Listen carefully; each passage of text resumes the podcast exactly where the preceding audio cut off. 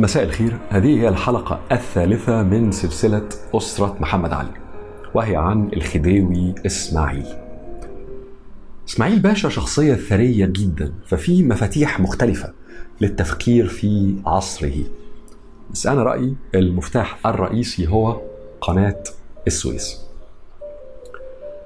أنا أتصور أنها ليست مبالغة. القول أن مشروع قناة السويس كان المشروع الاقتصادي الأهم في العالم كله في النصف الثاني من القرن التسعة عشر القصة الشهيرة أنه في مهندس فرنساوي فرديناند ديليسابس أقنع الخديوي سعيد عم إسماعيل بهذا المشروع وفعلا بدأ التنفيذ. وده صحيح لكن الفكرة نفسها فكرة هذا المشروع قديمة قوي وفكر فيها ناس كتير. الإنجليز فكروا في هذا المشروع في 1800 حاجة وعشرين. نابليون والجانب العلمي من حملته على مصر فكرت في هذا الموضوع أو في هذا المشروع في بدايات القرن التسعة عشر المماليك البحرية وبالذات في عصر بيبرز فكروا في هذا المشروع قبلها ب 500 سنة. العرب في نهايات عصر عمرو بن العاص فكروا في هذا المشروع. لكن تنفيذ قناة السويس في النصف الثاني من القرن التسعة عشر كان له تأثير مهول ليه؟ لأنه هذه هي الفترة اللي أوروبا فيها بريطانيا فرنسا هولندا إلى حد ما أسبانيا بدأت تخرج فيها وتبني مصالح اقتصادية كبيرة جدا مستعمرات طبعا لكن مصالح اقتصادية ومالية كبيرة قوي في أفريقيا ولكن الأهم وقتها كان في آسيا.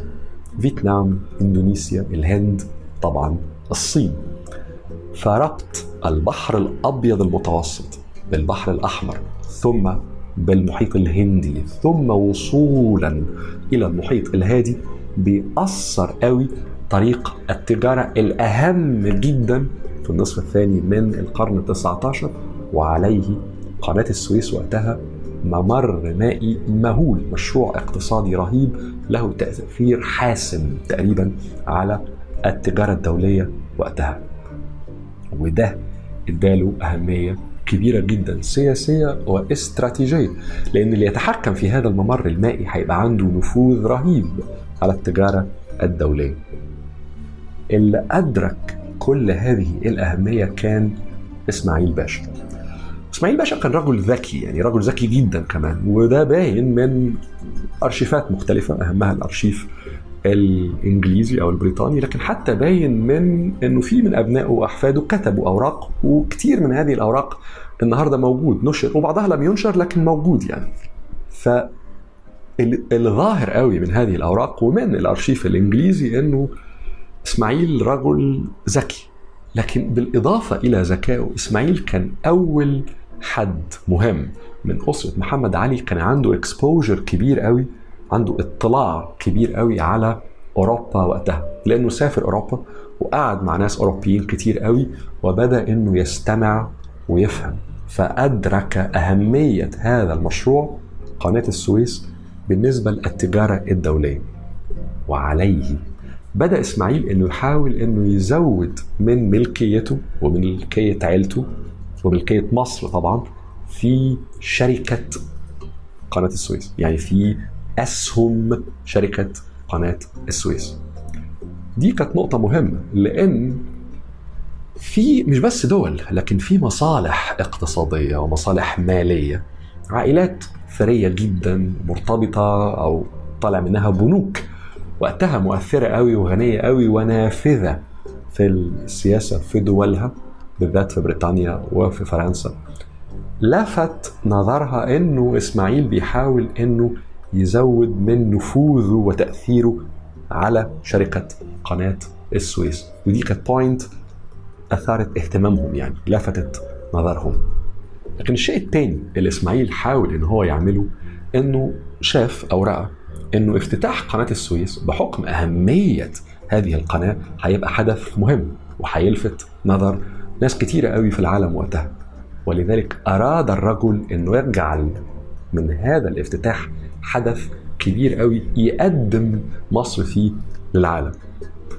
هنا إسماعيل بيتظلم قوي لأنه بيبقى فيه دايما تركيز وبالذات المؤرخين الأوروبيين ركزوا قوي على افتتاح قناة السويس على إنه كان في بذخ مهول وقد كان في بذخ مهول. ركزوا فيه على إنه الراجل عمل حفلة مهولة قوي سميت وقتها عن حق غالبا.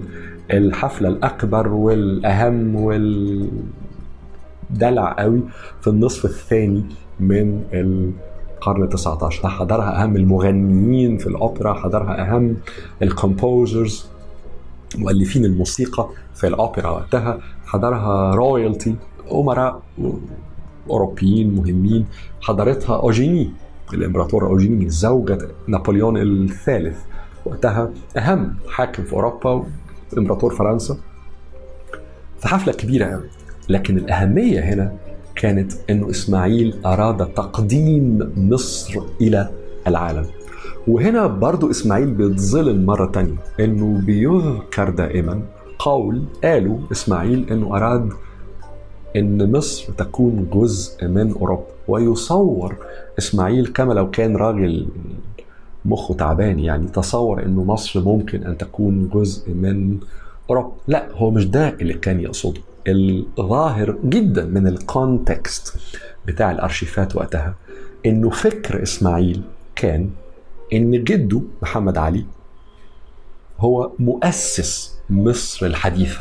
وده كان موضوعنا. في الحلقة الأولى من هذه السلسلة وإن ابوه أبو إسماعيل يعني إبراهيم باشا كان الرجل الذي أراد نقل هذه الدولة لتكون إمبراطورية في شرق البحر الأبيض المتوسط هو إسماعيل أراد إنه يعمل نقلة رهيبة في شكل مصر يجعلها شكل حديث جدا وفي أساليب الحياة يخليها زي أساليب الحياة الموجودة في أوروبا.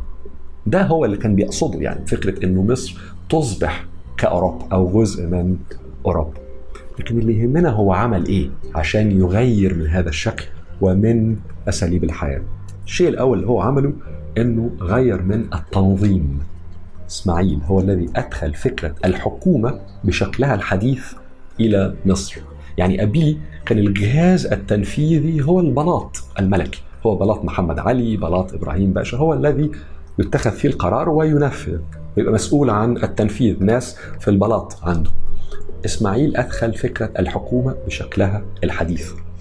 أدخل فكرة المحليات يعني فكرة إنه في جهاز أو جزء صغير من التنظيم الإداري مسؤول عن هذا الجزء من القاهرة مسؤول عن هذا الجزء من الأسكندرية فغير التنظيم وده مهم قوي الشيء الثاني اللي غيره إسماعيل هو الشيء المشهور به جدا طبعا وهو المعمار.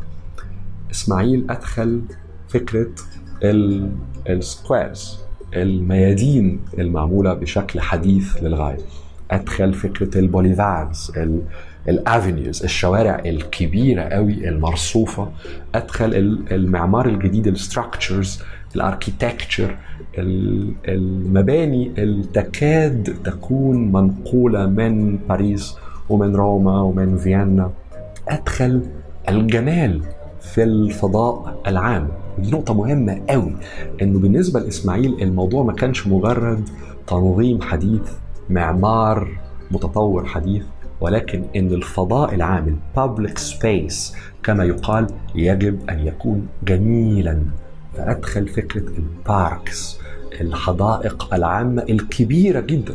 وجاب لهذه الحدائق أشجار وورود من أماكن مختلفة من العالم وفتحها للناس خلى كل هذا الجمال متاح للناس. وده قلب من مش بس شكل البلد ولكن من فكرة وجود الجمال والاهتمام به في الفضاء العام للناس.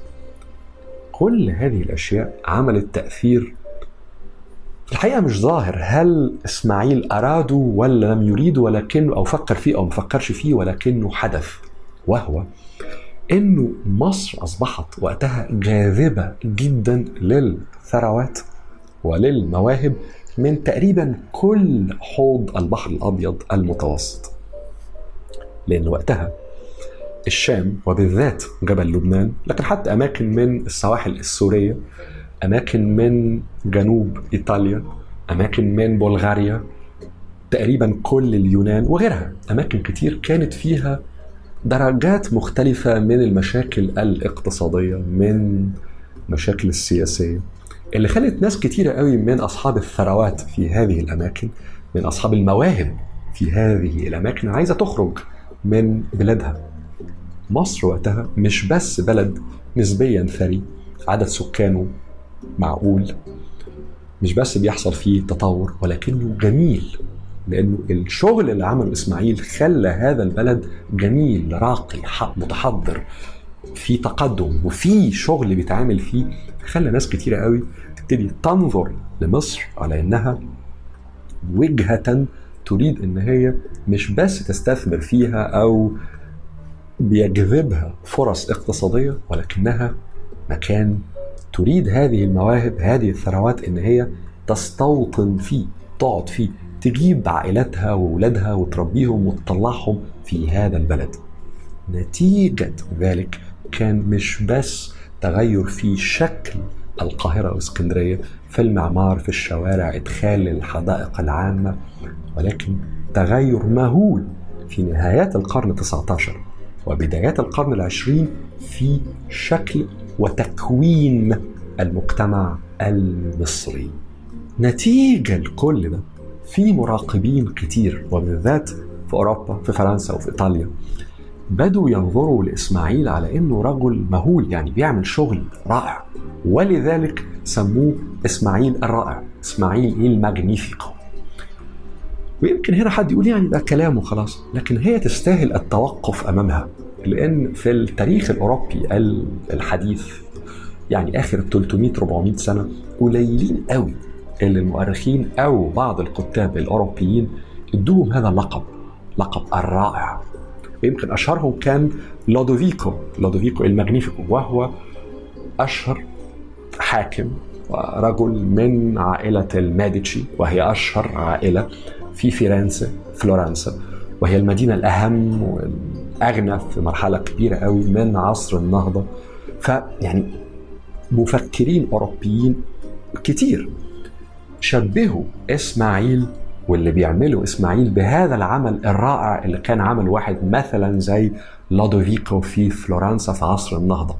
هذا يدينا تصور للتقدير اللي كان عند مفكرين كتير في العالم وقتها للشغل اللي عمله إسماعيل.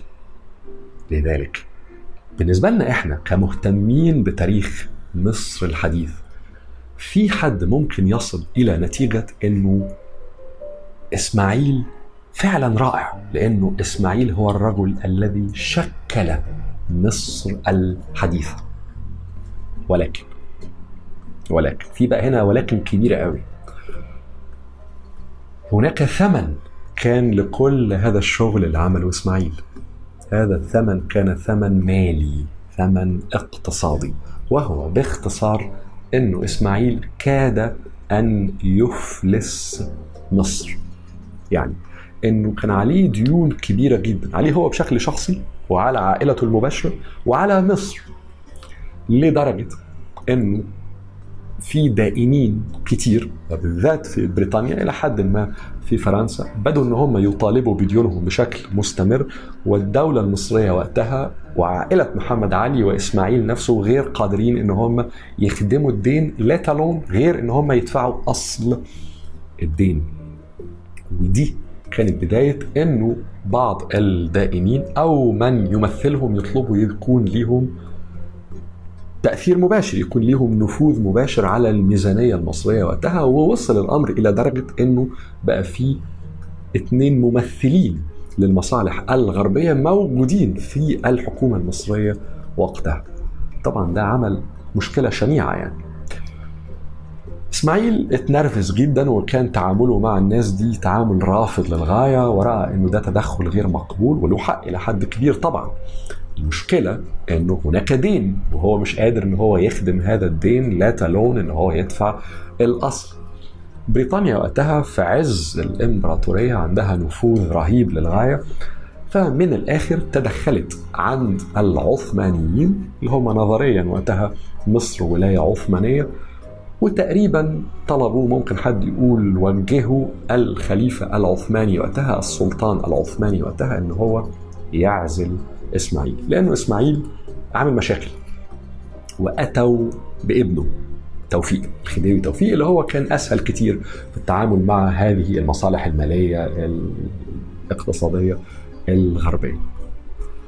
قصة إسماعيل نفسه قصة حزينة في الآخر بعد ذلك. هو نفي إلى إيطاليا وقضى الجزء الأخير من حياته ما بين إيطاليا وما بين فيلا حلوة قوي ما زالت موجودة لغاية دلوقتي على الباسفورس خارج إسطنبول. طبعا انفض الناس اللي كانوا حواليه وقصته هو على المستوى الشخصي حزينة في الحقيقة. وبعض أحفاده كتبوا في أوراقهم وحتى نشروا صور لإسماعيل في نهاية حياته. الراجل كسر يعني في نهاية الأمر وجدان إسماعيل باشا كسر في الآخر. لكن ده هو الجانب الشخصي في حياته. اللي يهمنا كمهتمين بتاريخ مصر الحديث إنه إدارته المالية السيئة ثمن كل الحاجات العظيمة قوي اللي هو اللي عملها. الثمن المادي لها كان أن وقعت مصر وقتها تحت النفوذ المباشر لمصالح مالية وعليه سياسية أوروبية. ودي كانت بداية الدخول الأوروبي المباشر اللي هو فيما بعد البريطاني المباشر والاحتلال البريطاني المباشر لمصر. ففي نهاية الأمر ممكن حد يفكر في إسماعيل ويقول هذا إسماعيل الرائع، إسماعيل اللي فعلا شكل القاهرة وإسكندرية في شكلهم الحديث، الرجل الذي شكل مصر الحديثة وبشكل جميل جدا. في الناحية الثانية ممكن حد يقول هذا هو الرجل اللي كانت سياساته المالية وصلت أو وصلت بالبلد إلى أن تقع تحت نفوذ غربي اولا مالي ثم فيما بعد سياسي وكان بداية الاحتلال الغربي البريطاني إلى مصر. هنا ما فيش صح وغلط. جمال التاريخ إنه قابل للفكر، قابل للأخذ والرد. ولذلك شخصية إسماعيل وعصره مهمة جدا في تاريخ مصر الحديثة لأنه فيها الوجهين دول الحلقة القادمة من هذه السلسلة هتكون عن بدايات القرن العشرين. بدايات النصف الأول بالذات من القرن العشرين وبالذات 1920 1930 اللي هي كانت الأيبكس كانت عز أسرة محمد علي.